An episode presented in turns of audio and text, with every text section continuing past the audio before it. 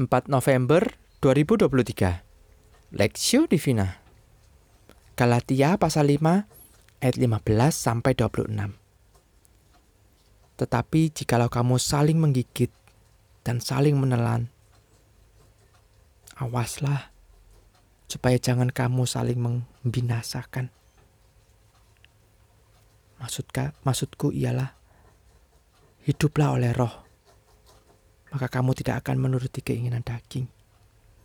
Sebab keinginan daging berlawanan dengan keinginan roh, dan keinginan roh berlawanan dengan keinginan daging. Karena keduanya bertentangan, supaya kamu setiap kali tidak melakukan apa yang kamu kehendaki.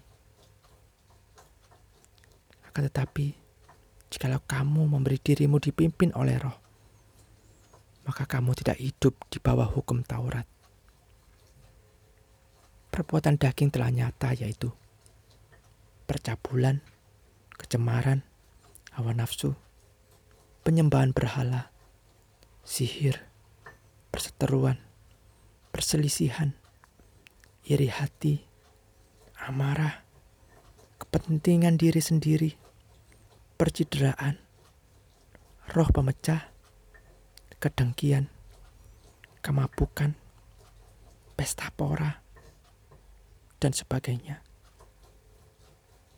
Terhadap semuanya itu, kuperingatkan kamu, seperti yang telah kubuat dahulu, bahwa barang siapa melakukan hal-hal yang demikian, ia tidak akan mendapat bagian dalam kerajaan Allah. Tetapi buah roh ialah kasih, sukacita, damai sejahtera, kesabaran, kemurahan, kebaikan, kesetiaan, kelemah lembutan, penguasaan diri. Tidak ada hukum yang menentang hal-hal itu. Barang siapa menjadi milik Kristus Yesus, ia telah menyalibkan daging dengan segala hawa nafsu dan keinginannya. Jikalau kita hidup oleh roh, baiklah kita juga dipimpin oleh roh. Dan janganlah kita gila hormat, janganlah kita saling menentang dan saling mendengki.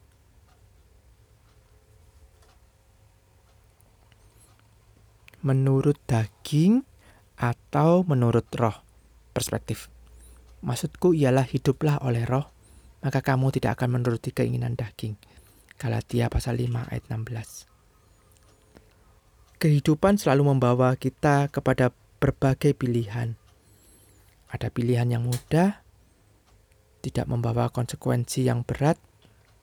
Sebaliknya, ada pilihan yang membawa pengaruh besar bagi kehidupan kita. Jadi, pilihan kita sangat menentukan seluruh kehidupan kita.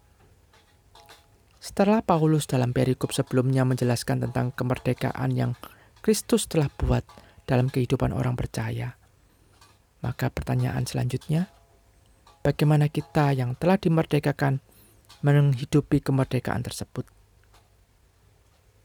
Bagi Paulus, hanya ada dua pilihan terbentang.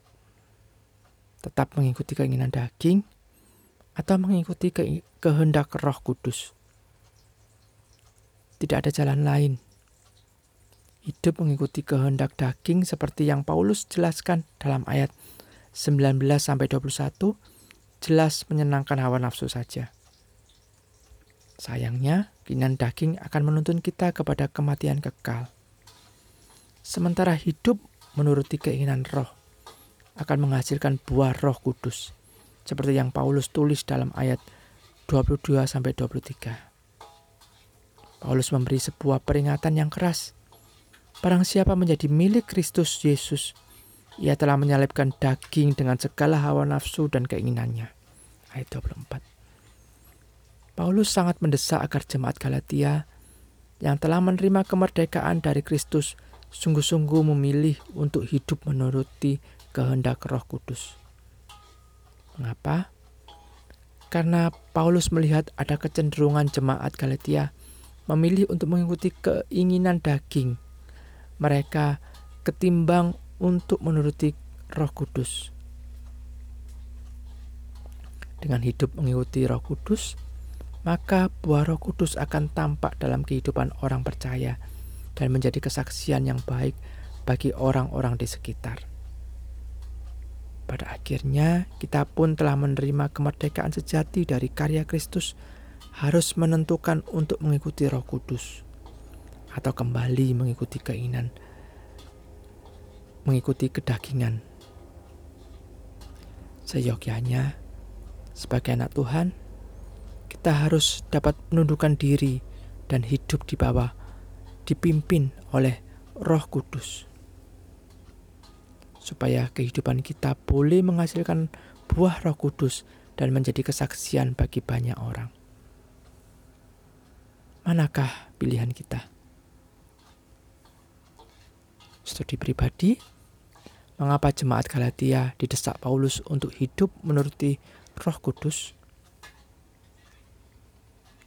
Apa yang terjadi jika lebih memilih hidup menurut Roh Kudus daripada keinginan daging? Pokok doa, berdoa supaya jemaat boleh hidup menuruti Roh Kudus dengan sepenuh hati sehingga hidup jemaat Tuhan menjadi kesaksian yang baik bagi orang-orang di sekitar.